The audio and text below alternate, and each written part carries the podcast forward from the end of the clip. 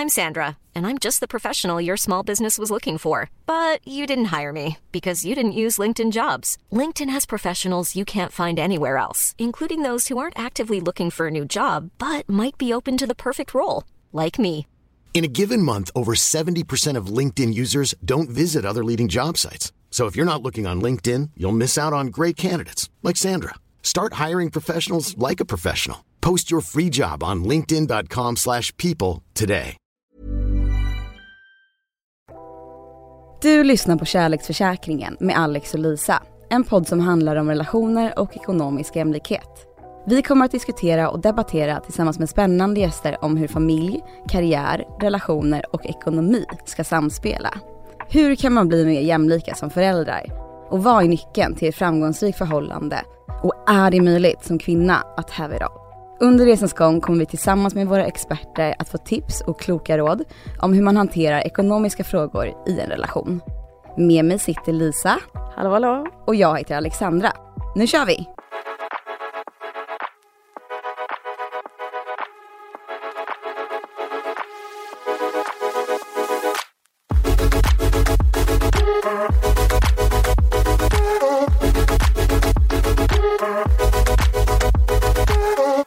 Hej allihopa och välkomna till ett nytt avsnitt av Kärleksförsäkringen. Idag kommer vi prata om ett viktigt ämne. Vi kommer prata om varannan vecka-livet. Om att leva som frånskilda och vad som händer då vad gäller relationen, ekonomi och, och välmåendet. Och idag har vi bjudit in en fantastisk gäst som ska hjälpa oss att prata om det här och ge insikt. Och det är Linda Ljunggren Syding som är i grunden familjerättsjurist men eh, har också eh, startat bolaget varannan vecka. Lite röd på kinderna. Nej men vi är så glada att ha dig här och eh, vi har ju följt varandra ett tag. Ja, det är ni som gör så fantastiska saker tycker jag. Som familjerättsjurist har man ju sett och pratat med så många framförallt kvinnor då såklart, som Mm. vid en skilsmässa är helt förtvivlade. Där man inte har förstått att pensionen, den, den Mm. får man inte liksom dela i, i bodelning. Nej. det- Typiskt sett. Ja, Det är ju så många kriser på samma gång. Exakt. Eh, Och mycket känslor. Ja, alltså det är bara att kasta sig rätt ut i ovisshet och Ja. otrygghet när man eh, heller inte förstår liksom, vad, vad, vad, hur blir det för mig ekonomiskt. Ja. Men berätta Linda om din eh, bakgrund lite och, och vad du gör på dagarna och hur du har gått då från familje, att vara familjerättsjurist till att faktiskt vara entreprenör och i startgruppen av en framgångsrik entreprenörsresa. Ja, ehm, jag träffade min medgrundare Elisabeth som också är familjerättsjurist. Vi Mm. träffades hos en gemensam arbetsgivare. Mm. Jag jobbar som marknadschef men hon jobbade då som familjerättsjurist. Och jag gjorde det också i mitten på 2000-talet. Jobbade jag på advokatbyrå som ombud i, i vårdnadsmål och så. Um, och vi gick ut och åt lunch en dag och eh, ventilerade våra liksom, gemensamma frustrationer just kring hur reaktivt det känns att Mm. vara just jurist i ombudsroll. Att man träffar föräldrarna så har det gått liksom ofta ganska lång Mm. tid. Eh, De, liksom, konflikterna har bara eskalerat. Det är Mm. ingen som har liksom lyckats hjälpa dem på vägen Nej. riktigt. Och så barnen då som Mm. är liksom osynliggjorda i det här. Inte för att föräldrar är elaka eller taskiga utan för att de är fullt upptagna med att känslomässigt liksom, ta sig Mm. igenom det här familjeuppbrottet och har svårt att hitta Mm.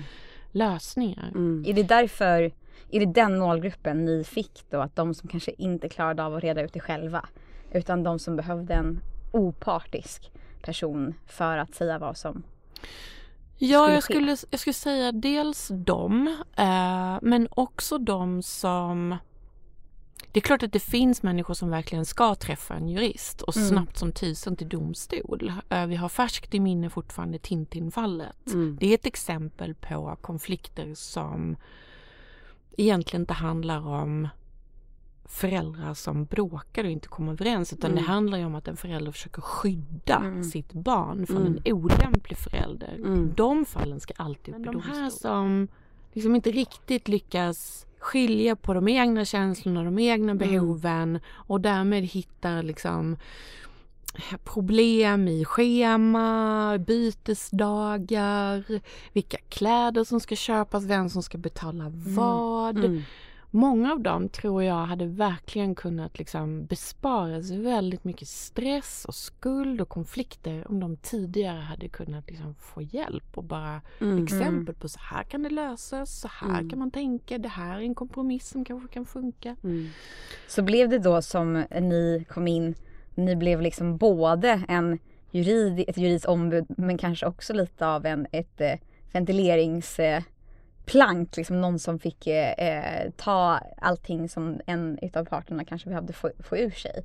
Ja, men jag tror det är ingen slump att det är så många kvinnor som är familjerättsjurister. Mm. Därför att det handlar ju såklart om juridik men mest är det ju också liksom att kunna möta människor Ja, Mm. i i den. kris och Mm. att liksom kunna Och ett stöd. vara ett stöd och, och man får ju vara väldigt mycket liksom psykolog, Mm. Ja, vilket exakt. vi inte har Ja. kompetenser till Mm, egentligen men man utvecklar över tid Mm.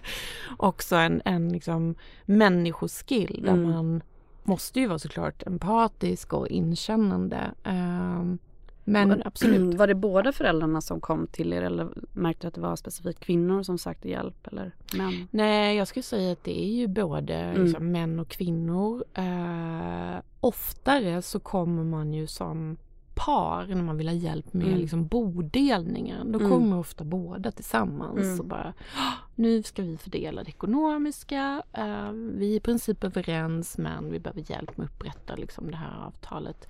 Men när vi pratar om frågor om barn, vårdnad, umgänge, boende då är det oftast att det har eskalerat. Liksom. Eh, och då kommer man för att söka liksom, ett eget juridiskt ombud.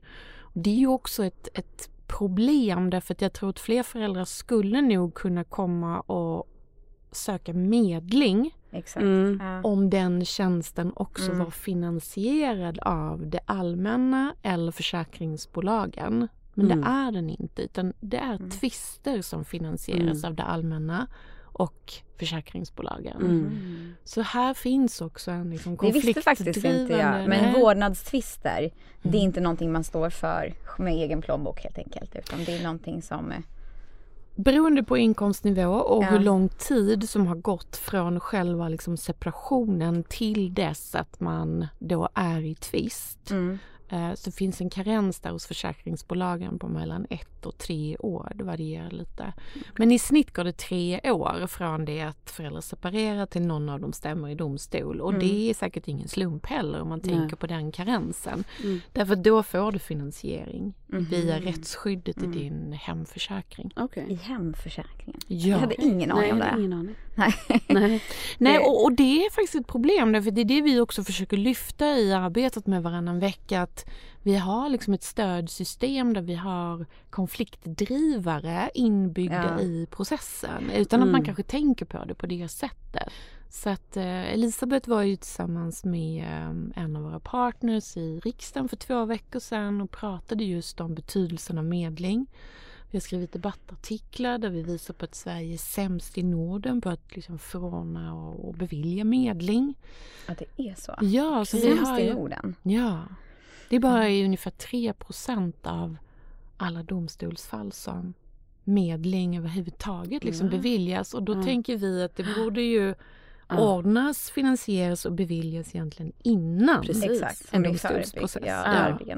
Och då ska det ju sägas att i alla kommuner i Sverige så finns det ju familjerätt kallas det, den enheten. Och där kan föräldrar frivilligt få hjälp med samarbetssamtal. Mhm. Men det är ingen utpräglad liksom medlingsmetod Nej. på Nej. det sättet utan det är ju ett sätt att försöka liksom hjälpa föräldrarna till överenskommelser som ska hålla över tid. Så här har vi mycket kvar Mycket vi kan göra. göra. Och ni vill ju jobba proaktivt Ja, i de här frågorna Ja. med varannan vecka. Ja, och det var ju därför jag och Elisabeth sa att det här måste man kunna göra någonting Mm. med. Och hennes eh, man då faktiskt, Erik Sjölander, eh, som IT-ingenjör hade ju då redan tillsammans med Elisabeth liksom spånat fram väldigt mycket idéer på Mm. Hur man med hjälp av digitala verktyg kan liksom, ja, men minimera riskfaktorerna och liksom Mm, mm. uppmuntra friskfaktorerna i det som också i forskning då är klarlagt är, är viktigt för ett starkt föräldrateam. Och det är Mm. där Malin Bergström också kommer in då, barnpsykologen och forskaren vid Karolinska institutet som ju har eh, drivit liksom hela den forskningen i CHESS-projektet. Ja. Och landat just i slutsatsen att det här med växelvis boende, det är, det är det bästa alternativet för barn efter en separation. Det är så intressant tycker jag för det känns inte som att det är den allmänna uppfattningen Nej. där ute. När man pratar med folk så är det ju ofta att så här, men det är klart att det är bäst för barnen att ingenting förändras, att det blir så lite förändring som möjligt. Att de får liksom vara kvar i samma miljö etc. Mm. Men vad, kan inte du berätta lite eh, liksom sammanfattat, vad är det som man kan se i forskningen eh, som gör att det faktiskt gynnar eh, barn att bo i det här växelvisa Mm. Ja, men, men det är ju såklart så att om barn kan växa upp i kärnfamilj där det inte är konflikter så är det det bästa för barn. Mm. Men att växa upp i en kärnfamilj med ett spänningsfält eller konflikter som är liksom dagligdags närvarande. Det är sämre för barn Mm. än att bo med sina föräldrar under olika tak och slippa Mm. de här konflikterna. Så forskningen visar väldigt tydligt att det är just liksom konflikterna som är det allvarliga hotet mot barns liksom långsiktiga välmående. Mm. Inte om de bor under ett eller två tak. Nej. Mm. Sen jämför man då det växelvisa boendet med eh, barn som växer upp då med bara en förälder. Och det sticker ju ut. De barnen liksom har större utmaningar och Mm. drabbas liksom oftare av psykisk ohälsa. Mhm. Och föräldrar som ska dra hela ansvaret Ja, själva. Mm. Också mår sämre. ju också sämre Ja. och har Mm. det tuffare ekonomiskt och allt möjligt. Så att Mm. med den här forskningen så är det ju inte att, att de uppmuntrar människor till att säga barn ska bo växelvis, det är det bästa för barn. Det de säger är barn ska inte växa upp med konflikter. Nej. Eh, och är skilsmässan ett faktum så Mm. ser det ut som att barn mår väsentligt mycket bättre när de har tillgång till båda sina föräldrar, en vardagskontakt där också pappa packar gympapåsen, Mm. gör läxor, Mm. läser godnattsagan. Barn själva som bor växelvis berättar Mm. ju att de är ju alltså mer nöjda än vanligt med sina pappor. Ja, vad det, ja. Det är är det barn specifikt som får lika mycket tid med pappan som med mamman? Barn i alla fall som träffar sina, sina pappor liksom regelbundet. Oavsett om det är liksom varannan vecka, hel vecka eller varannan helg eller något Ja, sånt. just bara helgumgänget, Ja. är- då, då tappar du den där vardagskontakten. Ja, okej. Så Mm. det är Mm. just där man har, man kanske har torsdag till måndag eller Ja. men man har en vardags liksom, Mm. kontakt där det är pappan som fixar picknick och det är pappan som läser läxan. Det är pappan som Ja, knyter Det kan man ju ändå dra en, en eh, liksom, referens till det som vi ser i den forskningen vi mycket tittar på med föräldraledighet. Att när pappan tar egen föräldraledighet, det vill säga att han är hemma själv med barnet, så ser man ju att barnet mår väldigt mycket bättre av den ytterligare relationen och pappan växer ju in i den rollen på ett helt annat sätt Mm. än om man delar det eh, så att den tiden pappan är hemma, då är också mamman hemma. Ja. Så att det är just Mm. den här ensamtiden där Mm. man får kliva in i föräldrarollen är Mm. ju uppenbarligen superviktig för Mm. att bygga föräldra-barn-relationen. Verkligen, och det här mår ju papporna väldigt mycket bättre Mm. också. Det är ju inte så att, Exakt. att papporna eh, ska liksom anses som sämre men, men det kan vara en större utmaning för dem att ha självförtroendet att också liksom kliva in och ta rollen fullt Mm. ut. Eh, om mamman har tagit ut väldigt mycket av föräldraledigheten. Det vet jag ju själv. Jag hade ju ett försprång. Jag var hemma med min son i ett och ett halvt år. Mm. Och hans Mm. pappa visste ju inte vad hans olika ljud eller Exakt. gester betydde. Ja. Det var ju så här, men nej det är inte ny blöja nu, det är mat nu. liksom. Ja, exakt. Så att det är ju också eh, att papporna känner sig liksom mer behövda och får ett bättre självförtroende Mm. i föräldraskapet. Ja, och att de kanske får kliva in på ett annat sätt och, och ta båda rollerna. Alltså s- också eh, utöka liksom mammans roll i sin egna, det här emotionella stödet och Ja. finnas där för liksom alla tillfällen på ett annat sätt. Ja. Men, eh, men gud vad intressant. Det är ju ett Ehm, väldigt, liksom, en väldigt jämställd form av föräldraskap. För Ja, du gör ju de facto ja. allting liksom under, under din vecka, under barnveckan. Ehm, så att, ja. Ja men spännande och då, du träffar ju då din medgrundare som hade börjat spåna på det här då tillsammans med sin man som också är er tech-utvecklare. Ja, ja. Och hur, hur liksom startade allting? Hur började ni bestämma er för att nu, nu gör vi ett bolag av det här? Ja, men det var Elisabeth och Erik som eh, ville liksom trycktesta det där på, eh, på mig. Eh, jag var då marknadschef på en stor juristbyrå. Så att de kom och vi vill visa dig någonting. Vi vill pitcha det här och se vad du tycker och tänker. Eh, och det här var ju på något sätt liksom förverkligandet av allt som jag hade tänkt att jag ville göra men Mm. aldrig förstod att ja, men jag förstod ju, det skulle jag fixa tekniskt liksom. Så jag var ju så entusiastisk Mm. och försökte liksom på olika sätt få igång mina arbetsgivare på det här. Ja. Men det är ju som vanligt i bolag, man har prioriteringar och budgetar och det fanns Mm. inte liksom plats för det.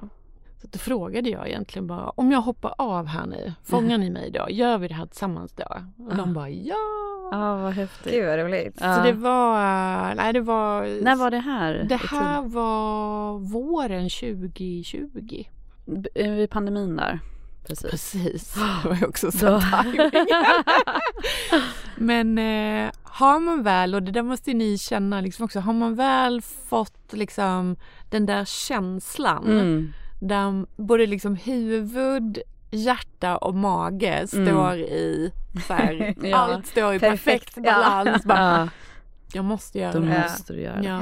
Ja men definitivt. Och det kändes också som att det var ett sätt att samla liksom alla mina olika erfarenheter. För jag har haft en ganska spretig karriär Ja. där jag har gjort vad jag tycker har känts kul och Mm. meningsfullt. Och då är det alltid från liksom bankfinans till marknad, affärsutveckling. Så att det var så här, här, kan Ja, jag göra liksom, Mm. kan jag använda mig av mina kompetenser.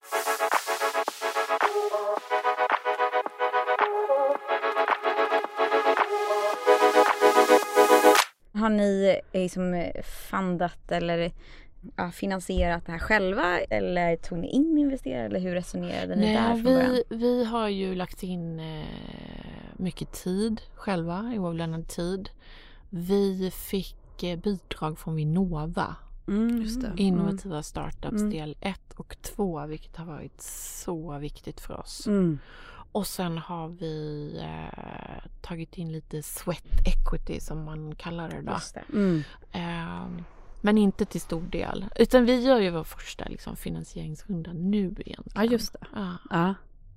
Och hur tycker du det går då i dagens klimat och resa pengar? Vi är i samma fas.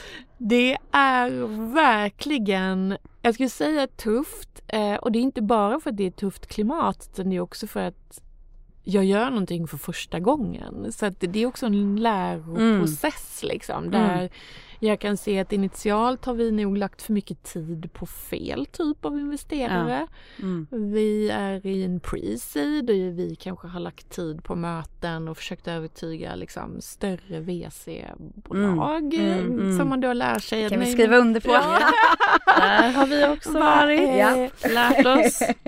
Så att Ja. eh, det är en process och det är Mm. så lärorikt. Mm. Men, men, Varför finns det ingen guide för det här? Det vore ju så lätt för någon som har gjort det förut att bara säga att så här, om någon kunde titta på en utifrån och göra en objektiv bedömning att Ja. så här, din rekommendation nu borde vara att söka den här typen av investeringar. men det har jag ju också liksom förstått efterhand att, att det går ju att skriva en guide på det där. Men det är ju också helt och hållet beroende på vad det är för bolag man vill bygga. Absolut. Mm. Så det Absolut. får ju- Nej, men så är det ju. Ja, för det Mm. finns ju så här generellt kan man tänka på och Ja. sen så Mm. möter man den där investeraren som man känner så här, nej, men Ja, ja, okej. Ja. Ja. Det här var just det, för jag vill ju bygga en annan typ av Men, men bolag. jag tycker att man blir så eh, lite trött på all det man, den kommunikation man möts av eh, från investerare. Speciellt då kanske VCs eller liknande typer av investerare. Man går in på deras hemsidor och ser de här fina orden om hur mycket impact de vill göra, hur mycket bättre de vill göra världen etc. etc.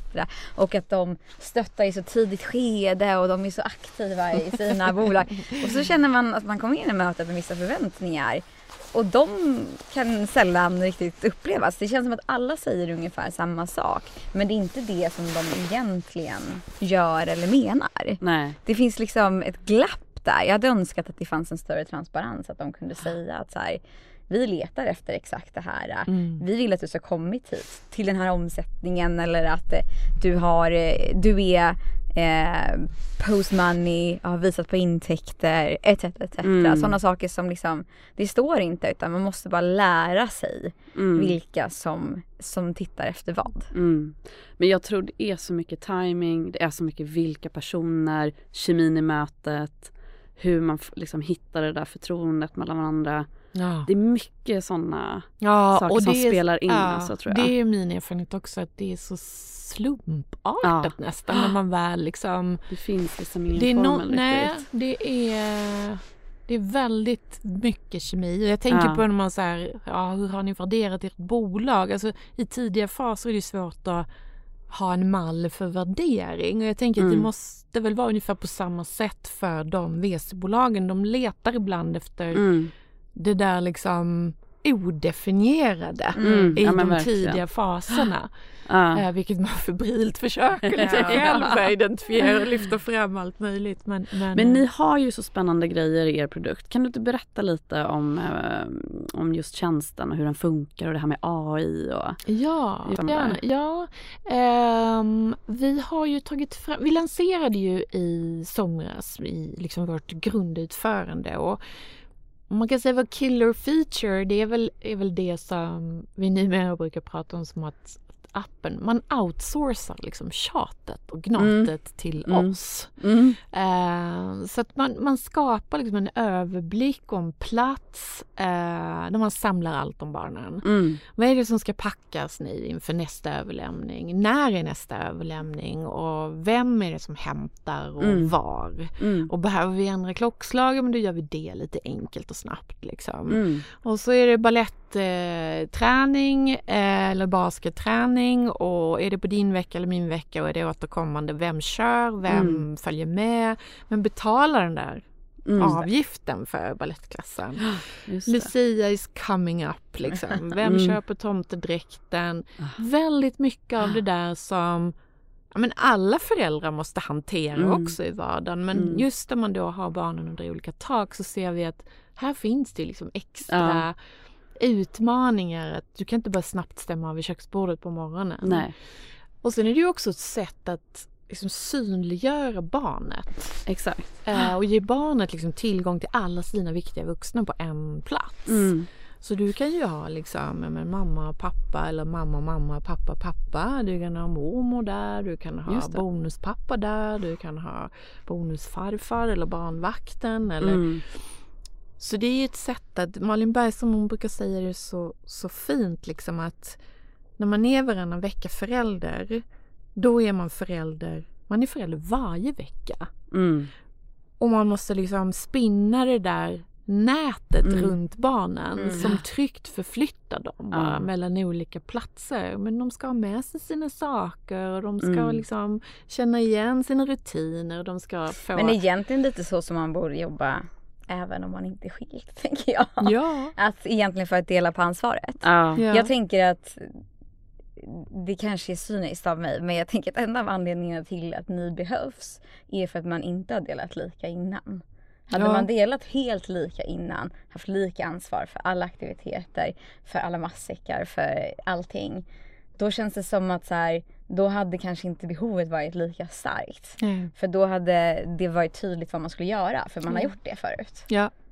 Nej men vi får eh, köra igång varje vecka också. Ja, exakt. Ja, gud, jag kom hem efter Ja. att vi lyssnade på dig igår eh, när du hade så inspirerande, inspirerande pitch, Ja, stod på scen. Ja. Eh, så berättade jag om er för min man och han var så här, men gud det där, det här borde ju vi ha varje dag.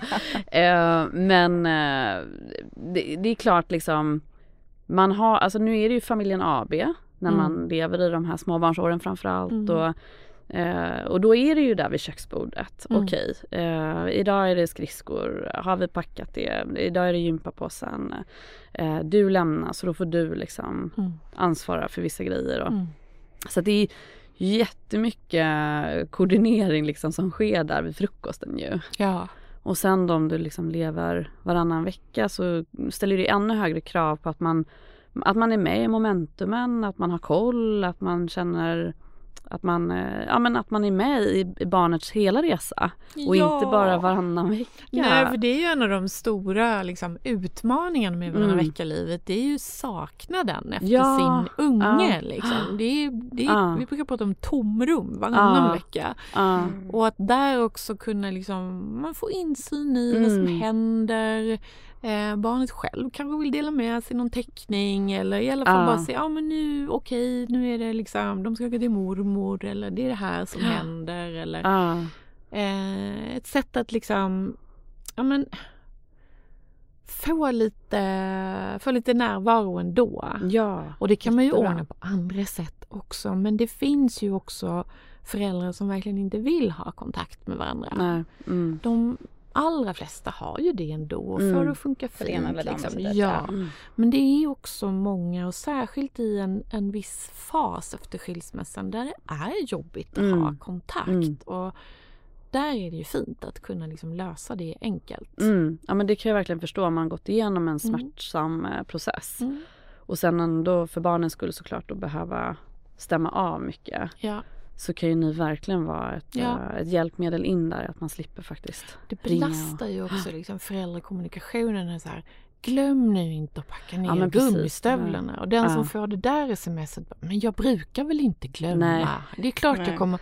Ja. Alltså, det är det där vi pratar om outsourca tjatet. Att mm. låt föräldrar prata om det som är viktigt så Mm. kan vi hålla på och påminna och göra allt det där tråkiga. Men ni har ju en supercool eh, funktion också, eller en nödvändig funktion att eh, ni går in och stoppar ett samtal som inte är eh, helt positivt. Ja, vi varnar i alla fall Ja, i varnar. dagsläget. Ja. Eh, vi får väl se hur vi liksom ska ta det vidare för det finns ju, finns ju möjligheter att kunna liksom också, jag tänker stoppa om det är Mm. eh, relationer där det Mm. finns liksom påståenden om hot Mm. eller våld eller eh, så.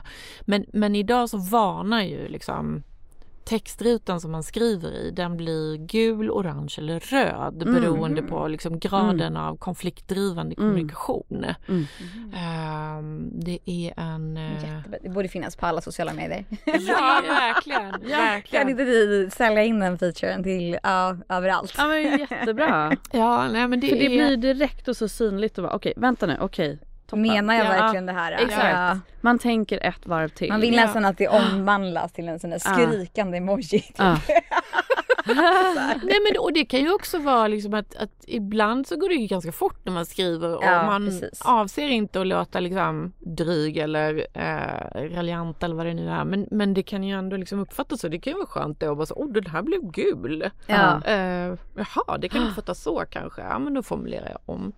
Så Jättebra, det skapar ju ett helt annat medvetande. Mm. Och en schysstare relation liksom överlag. Ja men det är det För det är väl det man hoppas. signar ändå under på till slut. Att ja, vi har ju bestämt att gå skilda vägar. Ja. Så det vi kan göra nu Mm. är att liksom ha en schysst ton för barnen. Ja. För barnens skull. Exakt. Ja. Det är så man får se det. Så det är ju, det är ju jättebra. Ja att men ni det är det som är liksom vår mission och tanken att det ska kunna vara liksom friktionslöst och Mm. bara ett briljant samarbete. Ja. Så att eh, man kan ta tillvara på sitt bästa, eh, ge sitt bästa och så över tid bygga den där föräldrarelationen istället Mm. för att den bryts ner av liksom missförstånd, tjat, taskigheter. Mm. Barnen blir väldigt mycket tryggare och gladare när föräldrarna faktiskt liksom Mm. Hanterar de där Såklart. sakerna Mm. Tillsammans. känner ju av det Mm. Och slipper bli budbärare. För det är ju det värsta man kan utsätta liksom, barnen Ja. för. Att man Ja. trashtalkar liksom, den andra föräldern. Jag har hört en psykolog berätta att när du pratar illa om barnets andra förälder inför barnet känslomässigt landar det hos barnet som att du säger elaka Mm. saker om barnet själv. Ja. Vid en viss ålder är de så starkt integrerade Mm. liksom, Ja. i, Mm. i id- identifikationen med föräldrarna så att det blir Mm. ehm, Det är de liksom, för det är deras familj. Ja, det är klart. Mm. Ja. Mm. Och sen det där annars också att behöva, säg nu till pappa att han måste betala Ja. glasögonen. För Budbärare. jag har inte Ja. råd liksom. Nej. Ehm, Ja men precis, hur Ja. funkar, vad ser ni vad gäller eh, det ekonomiska Mm. när man lever varannan vecka? Mm. Eh, hur, hur sköter man fördelningen av, av pengarna och vem som betalar vad? Och, har ni några insikter i det? Ja, alltså det... När jag jobbade som familjerättsjurist så blev jag faktiskt ganska förvånad när jag förstod att så fort föräldrar har växelvis boende då finns det inga ekonomiska liksom, Nej. underhållsskyldigheter gentemot varandra Nej. längre. Nej. Eller till barnen utan då anser man liksom fullgöra sin eh, vad heter det, omsorgsplikt eller underhållsplikt den veckan eller de dagarna man har barnet halva tiden. Men det vet vi ju hur verkligheten ser ut. Att Mm. Det kan ju vara jättestora liksom, inkomstskillnader. Mm. Och hela liksom, lagstiftningen kring det här med underhållsbidrag vilar ju på en princip om att barnet har rätt till en liksom likartad levnadsstandard Mm. hos båda sina föräldrar. Och om den ena har mer så ska det också liksom ändå återspeglas i barnets liv alla veckor. Ja. Det vanligaste är ju att föräldrar försöker dela rakt av bara. Och de som har det lite bättre ställt, där är det oftast liksom inga problem. Det är Nej. mer att man ska hålla på och swisha och sköta transaktioner Mm. och vem betalar vad som kan vara liksom administrativt strul. Men det Och finns vad, ju... vad, vad innebär det då? Du menar att eh, om man är om båda är höginkomsttagare oavsett skillnaderna mellan dem Mm. så delar man 50-50. Ja. Vilket egentligen kanske då inte Kommer man då från delad ekonomi om en tjänar 200 000 kronor i månaden och den andra tjänar 45 ja. Så är det kanske egentligen inte helt rimligt att dela 50-50. Men det är Nej. enklast konfliktmässigt från konfliktperspektiv. Det är absolut enklast och jag vet så många föräldrar som, som tjänar just mindre som "Äh, jag tar inte den konflikten. Nej, det jag har det. råd så då betalar jag precis. hellre Ja. hälften. Men du har ju då också föräldrar där man verkligen inte har råd. Exakt. Ja. Och det känns ju jättejobbigt Ja. såklart. Och det är där vi också håller på att utveckla ett ekonomiverktyg nu. Vi ska implementera det innan sommaren där vi guidar föräldrar till en Mm. liksom, budget och en schysst fördelning. Mm. Om det är så att ni vill och tycker det känns bra så kan ni komma överens om en 70-30. Mm. Ja. Det Mm. blir bra för barnen. Ja, Liksom. Exakt. och om det är så att den ena tycker att det är jätteviktigt med hockey Mm. och den andra tycker att ja, det är fint med hockey men jag har verkligen inte råd. Då Nej. kanske den andra föräldern som har råd säger ja men då tar jag alla kostnader för hockey. Liksom. Och så kan man bara sätta upp det där Mm. på, ett, på ett bra sätt och så ordnar vår app liksom, Mm. transaktionerna och uträkningarna så att det blir bara Mm. friktionsfritt där Ja. också.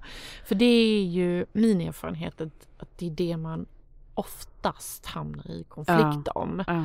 Ehm, det, Det är, är, klart, svårt för man, med pengarna. man vill ju ge barnet allt och Ja. så har man inte den möjligheten. Nej. Och plötsligt blir man föräldern som inte kan ge barnet det barnet vill ha. Ja. Nej, men har man inte råd och så, och så om man får välja då mellan hockeyträningen eller typ liksom kunna betala hyran den månaden Ja. eller få ja, handla. Och då har du Då också, blir det ju liksom ett påslag igen då till, så här, till barnet. Alltså du, Ja. du kan inte spela hockey eller du, Nej. liksom, vi kan inte göra det nu. Du, eller du får då fråga din pappa eller mamma. Eller så. Mm. Ja, Det blir ju ja, det blir ju mycket friktion liksom. det blir friktion Mm. och det är också drivet av, av liksom rädslor. Jag har ju haft varannan vecka-liv själv och, och det finns ju liksom underliggande ofta en rädsla av att ens barn ska tycka att det är roligare Ja. Mm, ja. andra, föräldern. Ja. Det blir liksom en Där händer det competition däremellan. Ja, Ja. ja, och inte att man väljer att gå in i tävlingen men att man, man kan liksom brottas med Ja. rädslan. Ja. Ja. Tänk om, om Mm. han egentligen vill vara med hos pappa Mm. men Det för måste där vara det finns värsta man kan höra sen att de säger att de inte vill komma till en. Liksom. Ja men det är tufft Ja. alltså Mm. och det är därför vi så också appen ska inte handla om rättvisa mellan Nej. föräldrar för det är barnets bästa som ska vara Mm. avgörande. Men, men det finns ju ändå sätt vi kan liksom lindra de här oron och rädslan av Mm. att jag har inte råd, jag har inte pengarna men vi kanske kan lösa det på ett bra Mm. sätt för att det ligger i barnets intresse att vi inte går in i den där tävlingen liksom. Särskilt inte kring pengar och prylar för det Mm. är verkligen så icke konstruktivt. Men det är ju så bra genom er då att man tidigt kan ha samtalet så här okej nu går vi skilda vägar, vi har olika förutsättningar, låt Mm. oss prata om det direkt Ja. ekonomiskt. Ja. Än att det ska bara byggas upp över tid.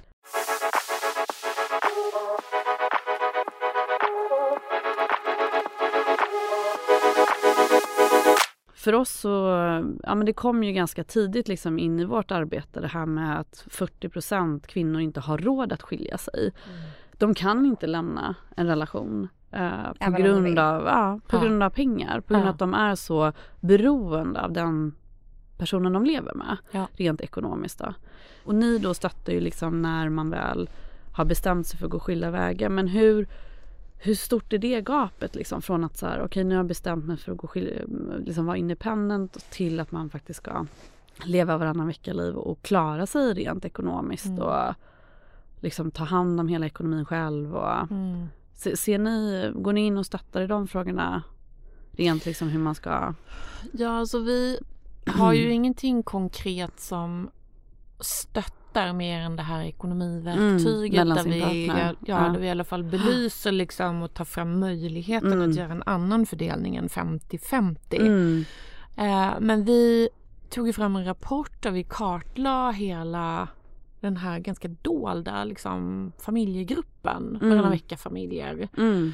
Eh, och då har vi definitionen lite bredare än att vi bara pratar liksom varannan vecka exakt. Mm. Utan ja, men där vi har eh, både mamman och pappan som är fortsatt engagerade.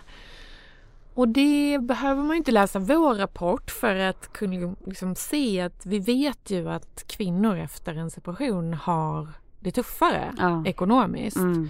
Och det är, Ganska rejält. Ja, och det är Mm. betydligt fler män som tjänar över 40 000 i månaden än Mm. vad det är kvinnor. Och det är betydligt fler kvinnor som tjänar under 20 000 i månaden än vad det är män. Mm. Så det Vilka klart, konsekvenser har det på relationen till sina barn efter en skilsmässa?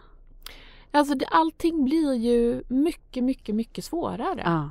Eh, där du liksom, Blir det att de inte vill komma till det till slut? Blir det att de inte...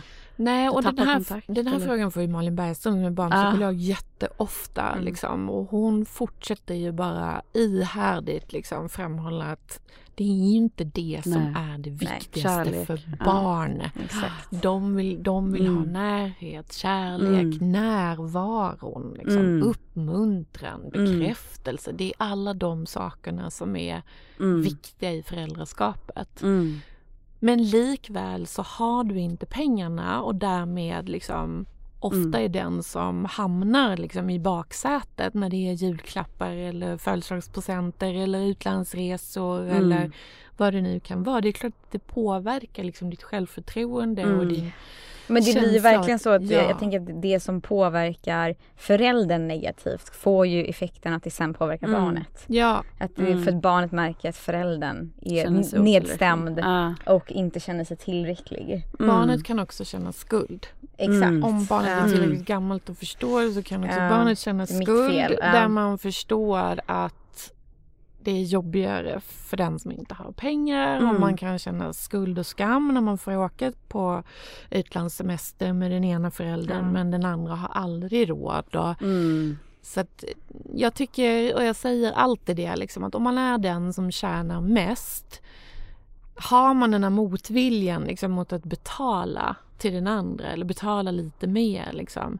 Gör det ändå för ungarnas skull. För det är Mm. faktiskt ungen som är Ja. mest bekänt av att Mm. det finns liksom mat, fritid, lek, möjlighet. Inte Mm. till ett materiellt överflöd men Nej. så att det inte blir för stor skillnad. Mm. Det kan väcka liksom känslor av Mm. skuld och skam hos barn. Ja. Ja, men jätteviktigt. Mm. Vad är, avslutningsvis här nu då Linda, det känns som att vi kan prata hur länge som helst Ja, det. Är så verkligen. brett Så himla och det är så intressant. viktigt ämne också och det känns som att det finns så mycket att lära här. Eh, men vad skulle du eh, ge för tips till föräldrar som befinner sig i ett skede av att ehm, ja, gå skilda vägar helt enkelt? Vad skulle du ge för tips till dem vad gäller ja, tiden framför sig och, och framförallt med ja, fokus på barnen? Hur ska man vad ska man tänka? Man ska ju först ladda ner er app helt enkelt. det, det rekommenderar vi. Det kan man göra om man fortfarande bor ihop. Eh, ja. Men Börja vad- lära sig. Vad kan, du, vad kan du ge till dem som, eh, som går igenom det här nu just nu? Och, Nej, men man brukar ju den här klassikern på flygplanet liksom. Man måste ha på sin egen syrgasmask först. Mm. Eh, och det är ju en situation där jag, min erfarenhet är att man har en, en liksom, det blir en try, ett tryggare genomförande om man ett förstår vad innebär det här för mig ekonomiskt. mm. Vad har jag råd med? Var kan jag bo? Jätte... Innan man har liksom landat den frågan så är det mesta bara kaos. Liksom. Mm.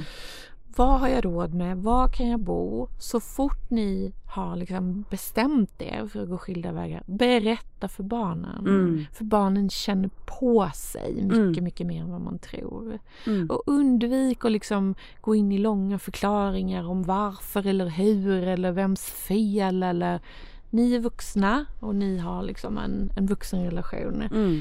Eh, men framförallt liksom Malin brukar säga att det finns ett värde i att kunna gå igenom motgångar tillsammans med barnen. Eh, det finns en, en, man pratar om resilience liksom, hos barn, att de blir stärkta av motgångar. Och- Våga vara öppna och ärliga med dem. ja, ja, I form av det som, det som är liksom eh, vettigt att dela. Det vill säga inte vad man kanske känner för den andra personen utan de besluten man har fattat. man kan säga jag är jätteledsen just nu Mm, men mm. det kommer att bli bättre. Mm. Ge hopp. Mm. Mm. Var stöttande, bekräfta att, att barnen får vara ledsna. Det här Mm. är liksom någonting, det är en motgång i livet men Mm. det kommer att bli bra. Ja. Och det är ju också det att, att det kommer att bli bra. Ja. Det blir bra för alla så småningom. Mm. Och barn är ju otroligt eh, duktiga på att anpassa sig. Ja. Alltså de är ju kameleonter liksom. Ja men verkligen. Och jag tycker Men- forskningen där också att vi nu vet att får man ihop samarbetet Mm. eh, och liksom tar bort konflikter från, från barnen långsiktigt generellt. Barn är ju såklart olika men på generell nivå så mår de inte sämre än Nej. barn som växer upp i, i kärnfamilj. Nej. Vi kan ta bort det där stigmat. Ja. Liksom. Det är Mm. inget misslyckande, det är inte skamfyllt. Man skadar inte barnen för livet för att man flyttar isär. Mm. Den, den får vi liksom göra upp med nu. Mm. Ehm, men, men annars liksom ta hand om sig, var lyhörd, var bjussiga mot varandra när man nu ska bygga liksom Mm. föräldrarelationen. Mm. Begrav den där kärleksrelationen ordentligt. Ta bort, liksom, lägg stridsyxan i den där graven också. Mm. Och sen är det ju liksom fokus på föräldraskapet och där vill ni ju kunna sitta tillsammans när ungarna tar studenten Exakt. och fira det. För det är ändå det man har gemensamt. Ja. Glädjen och kärleken till de här Mm. ungarna. Det finns ingen annan som kan dela det som Nej. föräldrar. Liksom. Nej. Nej. Precis. Så- Och en, en sista fråga bara. Om man då är den ekonomiskt svagare parten.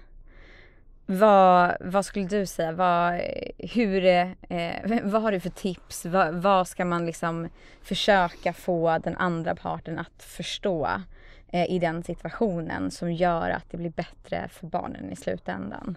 Hur tar man För jag tänker att det är ett tufft samtal för att man måste också visa sig väldigt sårbar Ja. i en Mm. situation där man sitter med en person som man kanske, man vet inte vad som har hänt och det kan finnas jättemycket konflikt och så ska man också behöva blotta då att man är ekonomiskt liksom väldigt sårbar. Ja. Mm.